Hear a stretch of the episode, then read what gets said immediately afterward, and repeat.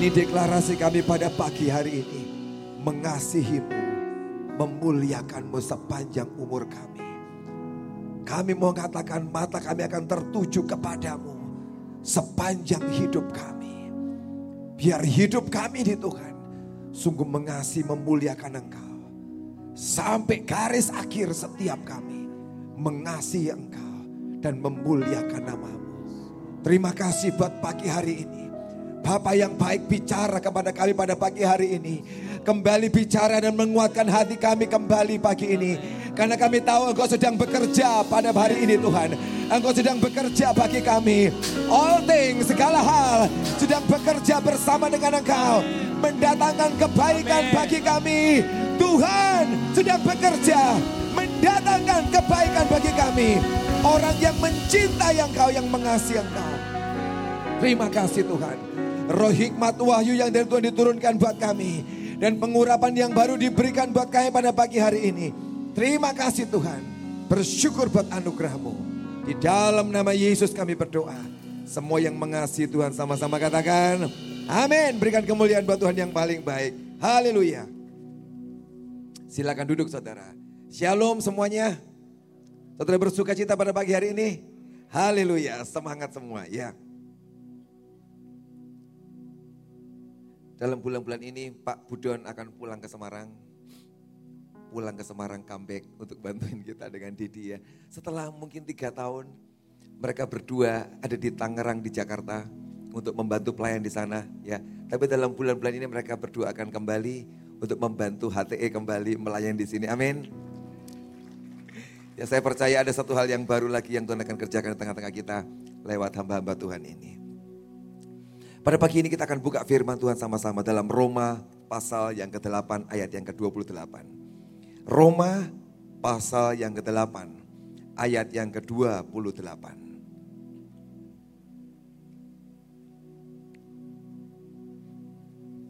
Roma 8 ayat 28. Kita tahu sekarang bahwa Allah turut bekerja dalam segala sesuatu untuk mendatangkan kebaikan bagi mereka yang mengasihi dia yaitu bagi mereka yang terpanggil sesuai dengan rencana Allah. Alkitab berkata kita tahu sekarang. Paulus mau berkata buat setiap kita, kita perlu tahu sekarang. Amin.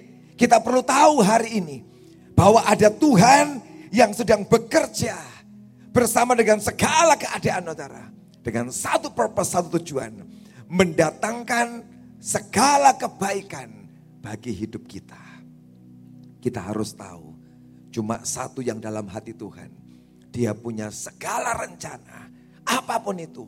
Tujuannya satu, mendatangkan kebaikan bagi setiap kita. Apakah saudara percaya? Dia bekerja apa pun dia lakukan. Dengan satu tujuan, bagaimana anak-anakku mengalami semua yang baik. Dan Paulus berkata, engkau harus tahu ini. Semua cara berpikir yang lama, sebuah cara berpikir yang salah, mari singkirkan. Sebab cara berpikir kita perlu diperbarui saudara. Kalau engkau punya sebuah fondasi dasar yang benar tentang Tuhan. Maka semua yang lain akan menjadi benar kok saudara. Tapi kalau engkau punya dasar yang salah. Cara berpikir tentang Tuhan yang salah maka semua yang lain akan ikut menjadi salah juga. Kenapa Paulus berkata, kita harus tahu sekarang bahwa Tuhan kita selalu merencanakan kebaikan buat kita. Sebab kalau sudah mikir Tuhan kita selalu berbuat kebaikan. Maka semua yang kita hadapi dalam hidup kita, kita tahu satu hal. Dia pasti berbuat kebaikan. Amin. Tapi kalau sudah mikirnya salah, Engkau sudah curiga dengan Tuhan. Sudah tidak bisa mikir benar tentang Tuhan. Apa pun saudara. Nanti mikirnya itu negatif. Contoh. Kalau saudara ini punya orang yang saudara tidak sukai. Yang tidak disukai.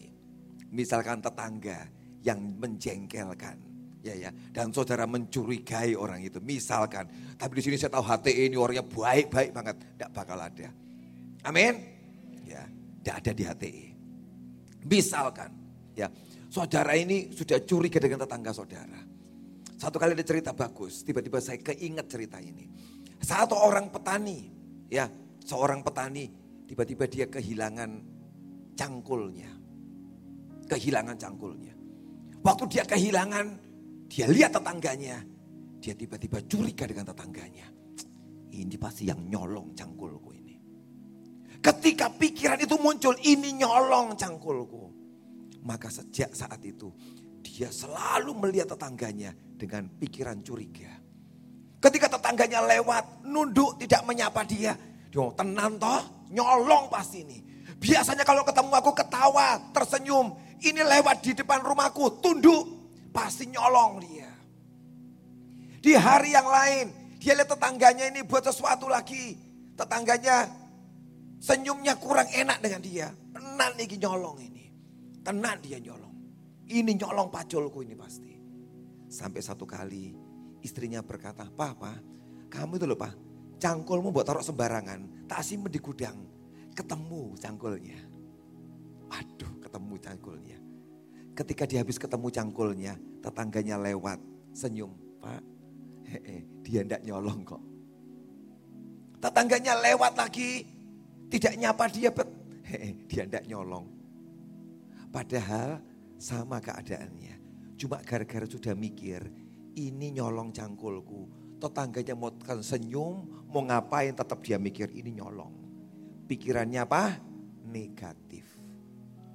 Begitu ketemu cangkulnya, tetangganya mau ngapain juga dia tidak curiga. Kenapa? Sudah ketemu cangkulnya, ternyata yang nyimpen istrinya di gudang, tidak dicolong. Begitu dia pikir positif, maka dia tidak lihat lagi tetangganya mencurigakan. Tahukah saudara, sering kali kita dengan Tuhan kita mencurigai Tuhan. Kalau dia buat gini, ojo-ojo Tuhan mau ini. Tuhan buat ini, jangan-jangan dia buat ini. Curiga. Pagi ini Paulus mengajar lewat firmannya berkata, kita tahu sekarang Tuhan berbuat segala sesuatu untuk mendatangkan kebaikan bagi kita. Amin. Tapi pada siapa saudara? Dia mendatangkan kebaikannya itu. Bagi mereka yang mengasihi dia. Tuhan itu cinta dan sayang semua orang. Dia berkali-kali ngomong aku mengasihi mencintai orang. Tapi untuk urusan yang satu ini, dia buat semua yang luar biasa. Segala hal dia kerjakan untuk datangkan kebaikan. Waktu dia ngomong, untuk orang-orang yang mengasihi aku. Jadi kalau saudara mau ngalamin yang seperti ini, Tuhan bekerja bagaimana cara dia kerjakan apa pun demi kebaikan kita. Dia minta satu syarat. Mari kita mencintai dan mengasihi Tuhan engkau bisa terima janjinya ini. Amin. Pagi ini kasihi dan cintai dia. Alkitab jelas berkata, kasihi Tuhan Allahmu dengan segenap hati, dengan segenap jiwa dan kekuatan. Ini bukan ranking saudara. Oh ada orang mengasihi dengan roh, dengan hati. Kemudian berikutnya levelnya mengasihi dengan jiwa. Yang ketiga levelnya mengasihi dengan kekuatan. Ini tiga level yang berbeda, bukan saudara. Tuhan berkata, kerjakan ketiganya sekaligus sama-sama. Kasih Tuhan dengan hatimu, dengan jiwamu, dengan perasaanmu. Tapi juga dengan kekuatanmu, dengan tubuhmu. Bersama-sama kasih dia. Dan Daud itu orang yang hebat. Yang bisa mencintai mengasihi Tuhan. Dengan tiga hal ini bersama-sama. Di hatinya dia mengasihi Tuhan tapi di perasaannya juga dia ekspresikan kasihnya. Tapi di tubuhnya kekuatannya. Dia menari di hadapan Tuhan. Ini orang yang ekspresikan apa yang Tuhan katakan. Kasih aku dengan hati, jiwa, dan dengan roh. Tuhan mau saudara. Setiap kita ini mengasihi mencintai dia. Dengan segenap hati, jiwa, dan kekuatan kita. Dan dia juga berkata kalau engkau mengasihi aku, engkau mengerjakan mentaati firmanku. Sekali lagi bicara ekspresi yang di luar. Kalau engkau mengasihi aku, engkau mengerjakan firmanku dan perintahku. Hari ini kita mau belajar Tuhan. Aku mau praktek mengasihi mencintai engkau. di hatiku. Bukan cuma masalah perasaan, tapi dituangkan muncul dalam hidup kita dengan perbuatan dan tindakan kita mengasihi dan mencintai dia. Satu kali Tuhan Yesus berikan cerita tentang seorang bapak dengan dua orang anak. Satu kali bapak ini berkata pada anaknya yang pertama, nak pergi kerja di ladang. Anaknya berkata, siap pak, siap. Tapi setelah berkata siap, dia gak berangkat. Tetap di rumah gak ngapa-ngapain. Bapaknya ngomong sama anak yang kedua, nak tolong kerja di ladang. Gak mau. Setelah dia berpikir, dia menyesal. Kok aku gak mau? Dan dia pergi mengerjakan ladang itu. Tuhan tanya dari dua anak ini, siapa yang taat? Siapa yang mengerjakan perintah dan firman bapaknya? Yang kedua, walaupun dia ngomong tidak, dia menyesal dan dia pergi, dia bertindak. Perbuatannya itu saudara, membenarkan anak ini. Perbuatannya, sekalipun dia ngomong tidak. Perasaannya nggak pengen. Perasaannya nggak pengen. Tapi ketika dia menyesal, dia bertindak. Tuhan berkata, yang kedua yang mentaati. Saudara, masalah mencintai Tuhan itu bukan masalah perasaan. Aku pengen mencintai dia. Aku pengen mengasihi dia. Bukan masalah perasaan.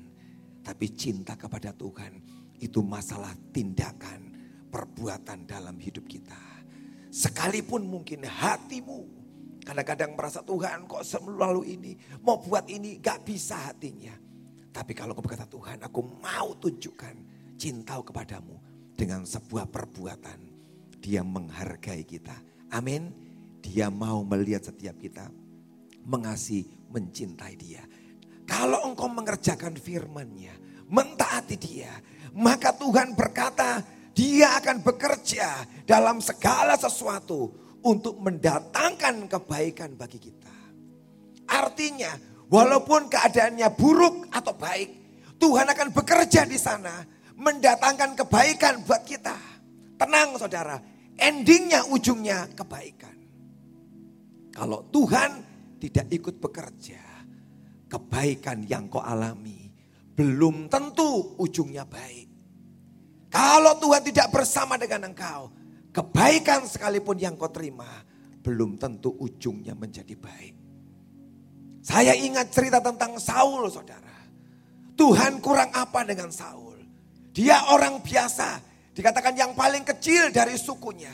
Diangkat tinggi oleh Tuhan menjadi seorang raja. Itu kebaikan yang luar biasa yang dialami oleh hidup Saul. Tapi tahukah saudara, detik Tuhan tidak bekerja lagi dalam hidup orang itu saudara. Kebaikan yang dia terima, endingnya gak baik kok saudara. Endingnya raja itu bersalah, berdosa, bahkan meninggalkan Tuhan di ending hidupnya. Raja usia, itu raja yang diberkati Tuhan, diberikan hikmat, dalam pertanian. Dia sangat hebat. Juga membuat senjata-senjata peperangan yang luar biasa. Ini raja yang menemukan senjata pelontar batu yang pertama. Yang Alkitab ceritakan. Ini raja yang diberi hikmat dalam berperang. Dan begitu kuat raja ini. Tapi tahukah saudara. Bila Tuhan mulai undur dari hidupnya. Semua kebaikan yang hebat itu. Gak ada artinya saudara. Gak ada lain dalam hidup kita kalau engkau mau melihat kebaikannya terus terjadi dalam hidupmu. Biarkan engkau bergantung melekat kepadanya. Supaya semua kebaikan yang kau alami tidak merusak menghancurkan hidupmu. Tapi justru membawa engkau tetap setia kepada dia sampai ending dan akhir hidupmu. Tapi dikatakan juga dia bekerja dalam segala hal. Artinya yang negatif pun yang kau alami kalau engkau itu mau percaya kepada Tuhan, Tuhan akan bekerja membuat yang negatif, yang kurang bagus, endingnya menjadi luar biasa. Amin. Sebab dia bekerja di dalamnya mendatangkan kebaikan bagi saudara. Saya ingat sekian bulan lalu saudara. Kita sedang buat acara di Sion saudara. Di Cirebon, di Sion. Acaranya bagus, acara menjamu raja. Ketika saya dapat tugas menyampaikan pesan Tuhan dalam hari-hari itu. Saya berdoa Tuhan, Engkau tuh ingin apa Tuhan? Untuk disampaikan dalam acara ini. Engkau pengen apa? Dan tiba-tiba Tuhan memberikan kisah Esther. Kamu sampaikan pesan Tuhan tentang kisah Esther dalam acara menjamu raja. Dan Tuhan bicara di sana. Dan saya sampaikan kebenaran firman Tuhan.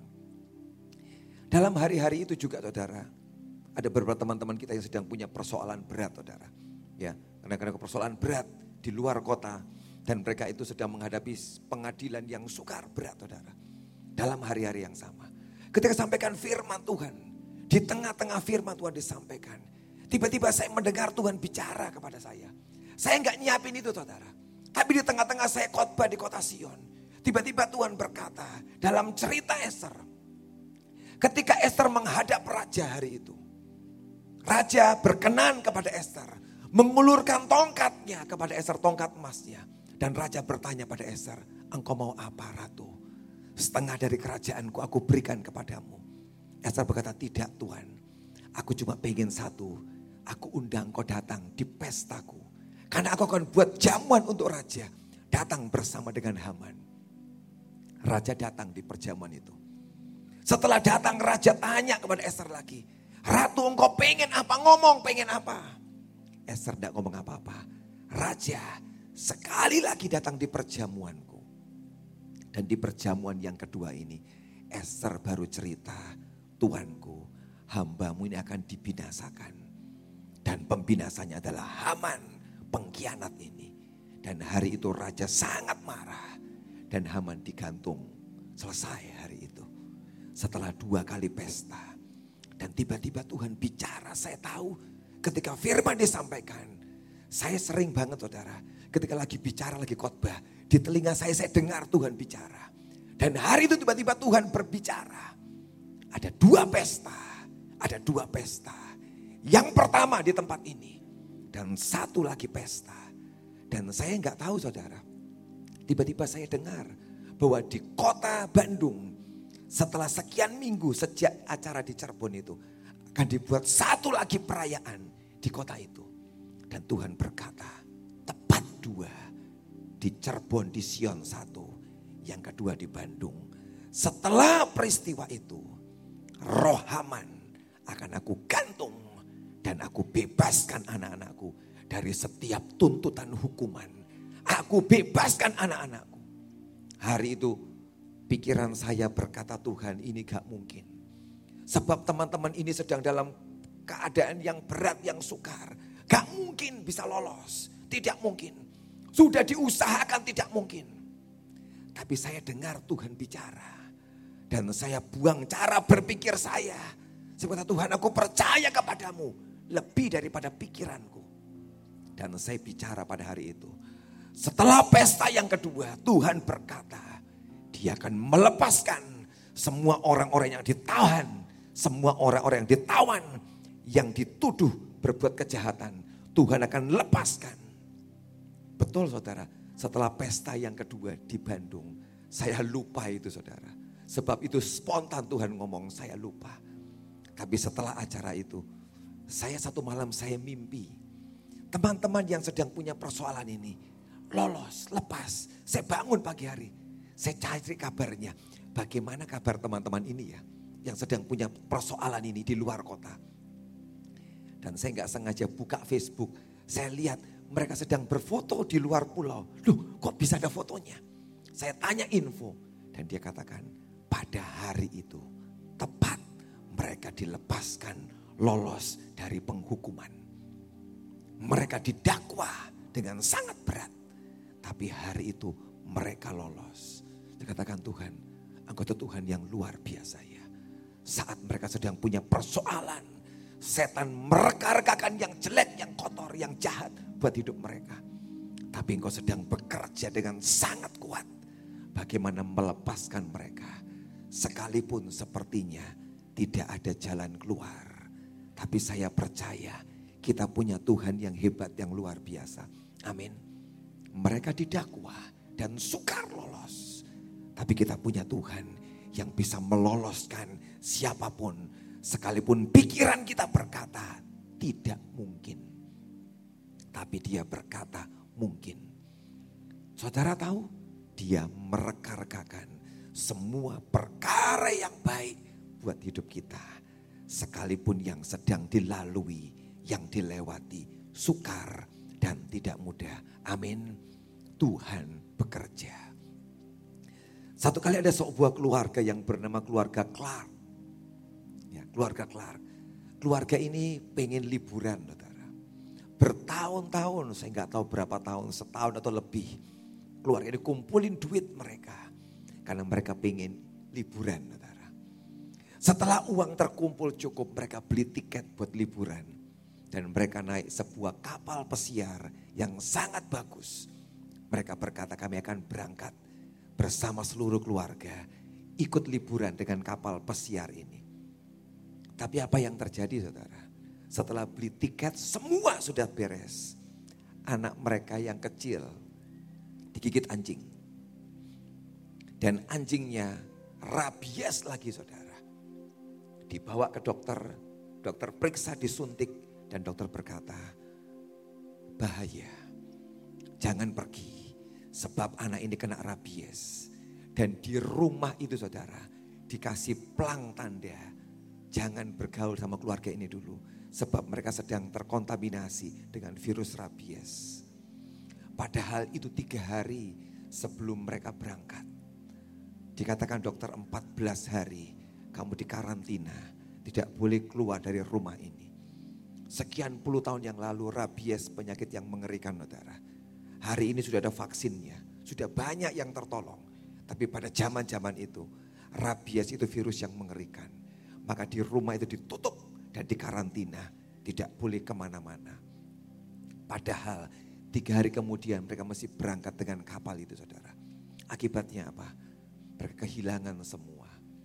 Tiket mereka, waktu liburan mereka hilang semua dengan sia-sia suaminya, bapak dari keluarga ini ngamuk jengkel. Pertama jengkel pada anaknya.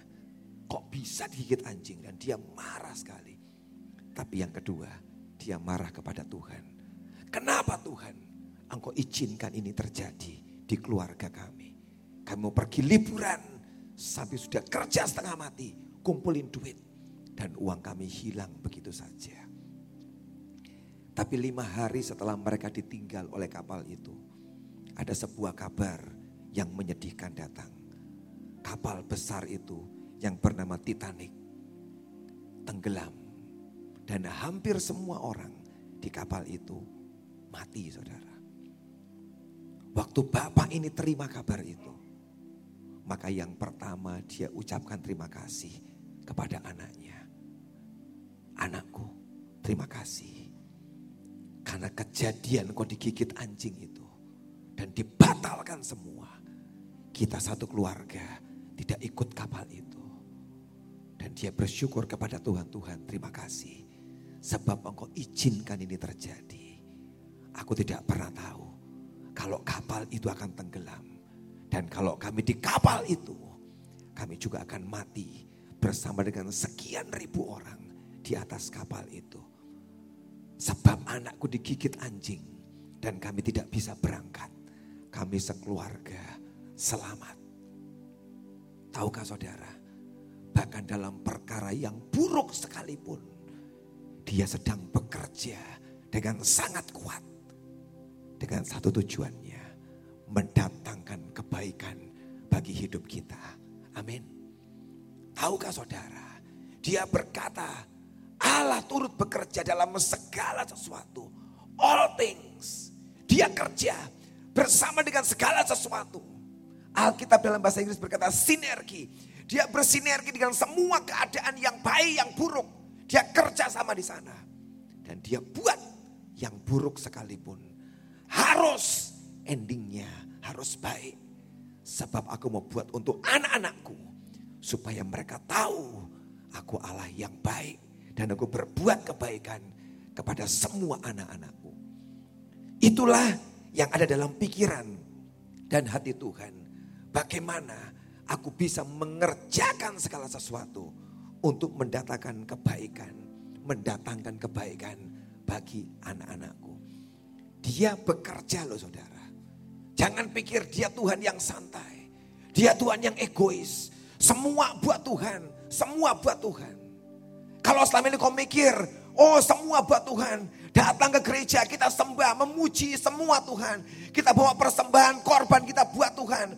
Kita melayani buat Tuhan. Selalu kok Tuhan, Tuhan, Tuhan. Engkau sedang mikir yang salah saudara. Sebab kita punya Tuhan yang bukan Tuhan yang egois saudara. Tapi dia Tuhan yang mau kerja keras untuk kita saudara. Sebab dia punya rencana supaya engkau menjadi baik dan alami kebaikannya. Dengan cerita ini kita tahu Tuhan kita bukan Tuhan yang egois. Yang hanya ingin terima pujian, pengagungan, korban persembahan. Dan selalu mau dituruti.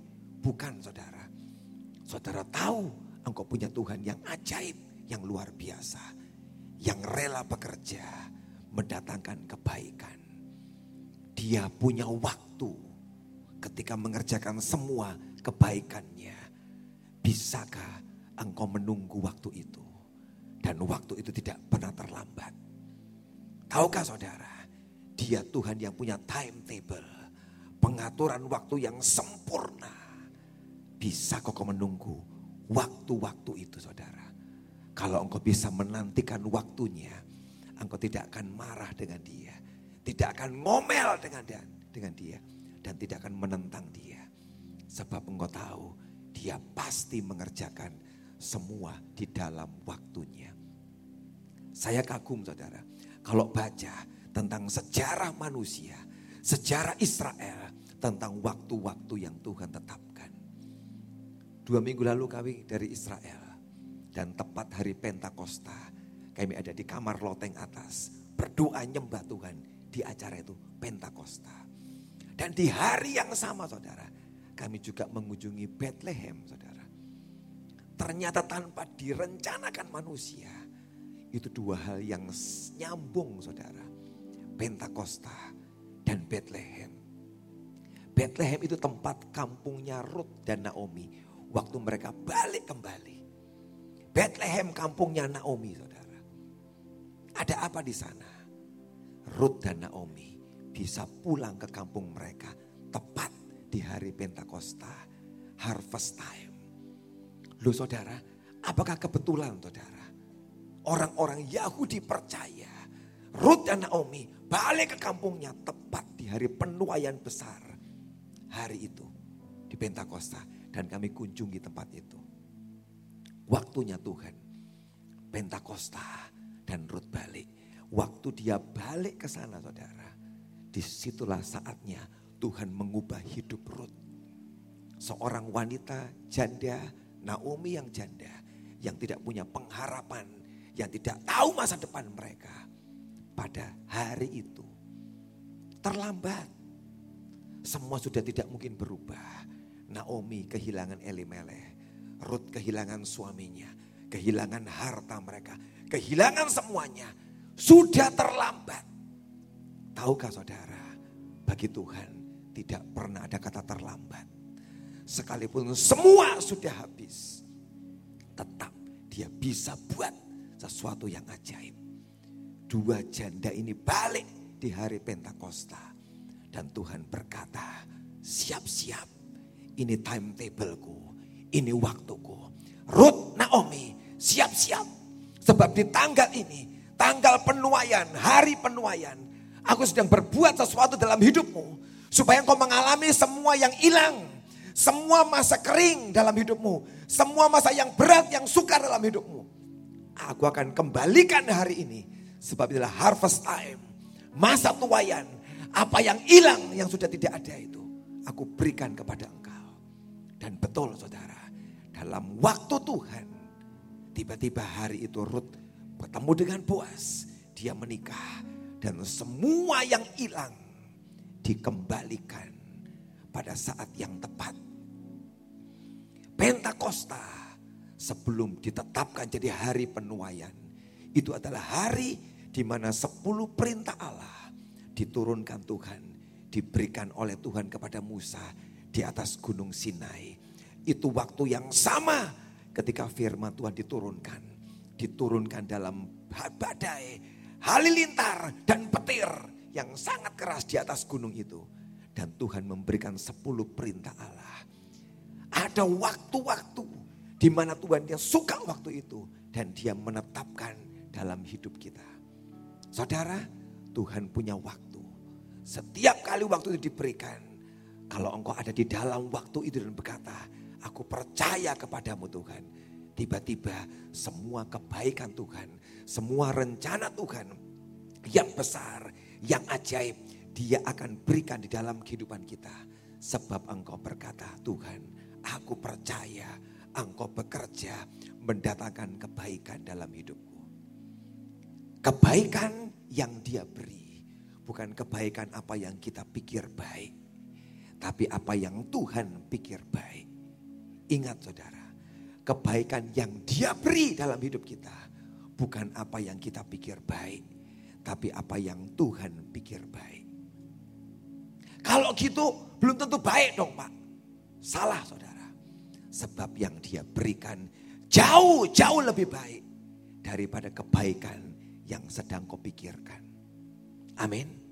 Kalau engkau pikir baik. Kalau aku diberikan 10 juta. Baik Tuhan. Tapi Tuhan akan berpikir jauh lebih baik. Sebab dia sedang menyediakan 100 juta buat engkau saudara. Amin. Tapi kadang-kadang kita mikir ini yang aku mau Tuhan. Inilah kebaikan yang aku pikir. Yang 10 juta ini baik buat aku. Buat engkau cukup mungkin. Sudah cukup Tuhan. Tapi tahukah saudara. Dia sedang memikirkan jauh lebih baik daripada itu. Ada banyak orang-orang yang belum menikah mungkin mikir. Tuhan kalau aku menikah dengan ini baik Tuhan. Tahukah saudara, dia memikirkan yang jauh lebih baik daripada itu dalam hidupmu saudara. Dia carikan orang-orang yang lebih baik dalam hidupmu. Sabar dalam waktunya Tuhan. Kau ngomong Tuhan telat, terlambat, tidak terlambat. Dia tahu, dia tahu yang dia beri itu jauh lebih baik daripada yang sedang kau tunggu, yang sedang kau pikirkan, dan yang sedang kau bayangkan. Jangan berpikir dengan kebaikan dengan cara kita. Biarkan dia memberikan kebaikannya di dalam kehidupan kita yang jauh lebih baik. Kata kebaikan yang Tuhan katakan di sini. Kata itu artinya happy, kebahagiaan, excellent, sesuatu yang sempurna, useful yang sangat berguna, honorable, sesuatu yang sangat terhormat. Ketika dia merencanakan kebaikannya, dia satu yang dia kerjakan, kebahagiaan dia limpahkan buat kita. Sesuatu yang sempurna, yang berguna, yang sangat terhormat. Yang sedang dia siapkan dalam kehidupan kita. Supaya anak-anaknya mendapatkan semua ini saudara. Jauh lebih baik. Jauh lebih baik. Kita itu saudara, kalau mikir kebaikan, sebenarnya ide kita, kemauan kita tidak terlalu baik kok saudara. Betul tidak terlalu baik. Tuhan kita punya ide yang sempurna dalam hidup kita. Tapi bukankah kita sering bertengkar dengan Tuhan? Masalah kebaikan ini saudara. Ya kan? Ini baik. Kita ribut dengan dia. Menurut kita baik.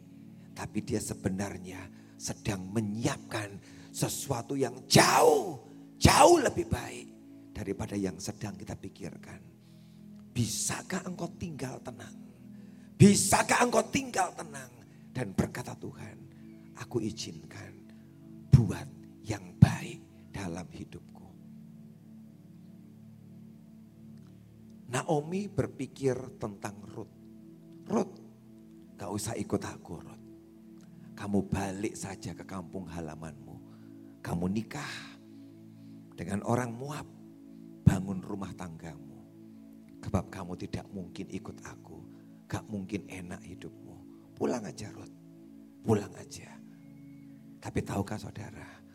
Ruth menolak hari itu. Tidak Naomi. Aku ikut dengan engkau. Apa yang terjadi kalau Ruth balik ke Moab. Dan dia menikah. Dia dapat yang baik saudara. Tapi kalau dia ikut dengan Naomi. Dia dapat yang jauh lebih baik. Amin. Baik saudara, kalau dia pulang ke bangsanya, menikah, ketemu dengan laki-laki di sana. Tapi hari itu dia menentukan pilihan yang jauh lebih baik. Aku mau ikut dengan engkau. Dan saudara tahu Tuhan menyiapkan yang jauh lebih baik. Bisakah saudara menantikan dia dan percaya bahwa dia berbuat kebaikan. Dan di ayat yang bagian terakhir, yaitu bagi mereka yang terpanggil sesuai dengan rencana Allah. Dia buat kebaikannya supaya semua rencananya saudara jadi di dalam kehidupan kita. Amin. Tidak ada rencana yang gagal. Semua rencananya saudara terjadi di dalam kehidupan kita. Hari ini mari kita ubah cara pikir yang salah tentang Tuhan. Hari ini biar engkau percaya Tuhan engkau itu baik. Amin. Tuhan engkau itu baik. Dan kau sedang bekerja keras mendatangkan kebaikan bagi hidup kita. Tutup Alkitab saudara. Mari kita berdiri sama-sama hari ini. When peace like a river. Tuhan terima kasih buat hari ini. Kami percaya kepadamu. Engkau Tuhan yang baik. Engkau kerjakan segala sesuatu untuk mendatangkan kebaikan buat kami. Buat kami bisa melihat kebaikan itu Tuhan. Buat kami bisa melihat kebaikanmu dalam hidup kami. Peace like a river attended my way. When sorrows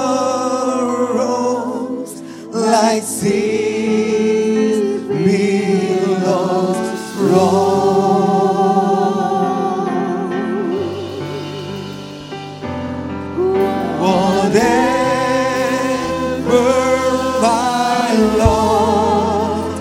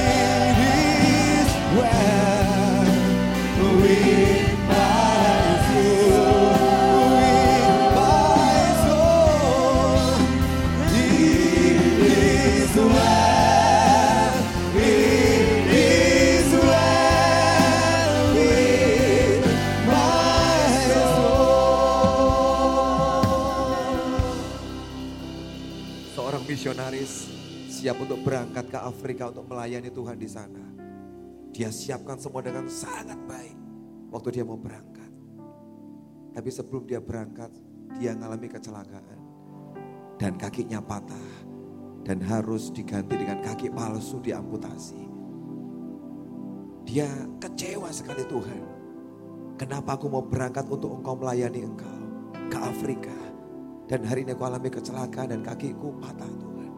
Dan harus diganti dengan kaki palsu. Dia sangat kecewa. Tapi dia tetap berangkat. Dia berangkat dan sampailah dia ke Afrika. Melayani suku-suku pedalaman di Afrika. Dia jalan dari satu desa ke desa yang lain. Sampai satu kali ada satu suku yang kanibal yang menangkap misionaris ini. Dan hari itu suku ini mau bunuh dia dan mau makan dia. Ketika dia dalam dikurung itu, dia diikat di kurung. Tiba-tiba satu orang suku, dia lihat misionaris ini lagi di dalam. Dan dia melepas kaki palsunya. Dia lepas. Waktu dia lihat, suku ini kaget dan ketakutan. Mereka berkata, kenapa ada orang bisa melepas kakinya? Tidak pernah terjadi. Dan tiba-tiba hari itu mereka tidak jadi makan dan bunuh misionaris itu. Mereka berkata, ini dewa, ini dewa. Mereka keluarkan misionaris itu dari kurungan itu.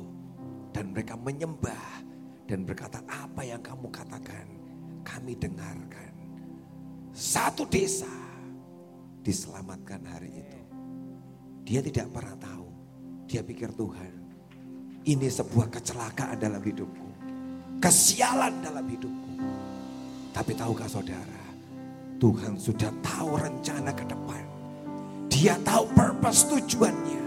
Kenapa ini terjadi? Dia tahu, dia tahu dan dia tahu saudara. Apa pun yang sedang kau hadapi dalam hari-hari ini. Engkau berkata Tuhan ini buruk dalam hidupku. Tuhan ini jelek dalam hidupku. Tuhan nasibku buruk. Tapi dia tahu saudara. Dia tahu, dia tahu dengan sempurna. Satu hari akan tahu dan berkata. Aku tahu Tuhan. Kenapa kau izinkan. Engkau membuat kebaikan dalam hidupku. Kalau kau kerjakan yang ini, yang ini, yang ini. Aku tahu Tuhan. Endingnya, ujungnya. Kebaikan buat aku Tuhan. Satu hari nanti. Engkau akan tahu saudara. Amin. Kalau hari ini kau belum tahu. Satu hari gua akan tahu. Seperti misionaris ini. Dia berkata, I never understand. Aku gak tahu kenapa terjadi. Tapi ketika aku dikurung di kandang itu. Aku mau dibunuh. Dan aku dilepaskan. Sebab aku pakai kaki palsu. Aku tahu sempurna. Aku tahu sempurna. Satu desa diselamatkan. Aku tahu Tuhan. Purpose tujuanmu sempurna. Tidak ada yang gagal. Tidak ada yang salah dengan engkau Tuhan. Tidak ada yang salah. Oh, tidak ada yang salah dengan engkau Tuhan. Terima kasih Tuhan. You never stop working. You never stop. You never stop working. Even when I don't see it, you're working. Even when I don't feel it, you're working. You never stop. You never stop working. You never stop. Dia tidak pernah berhenti.